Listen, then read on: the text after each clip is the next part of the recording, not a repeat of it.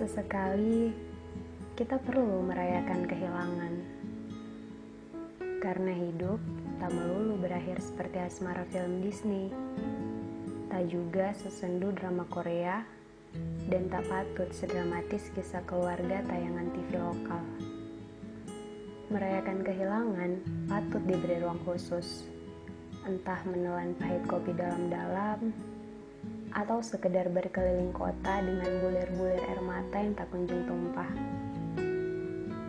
Mungkin juga kamu bisa menamatkan detak-detik jam yang mulai menggaduhkan isi kepala.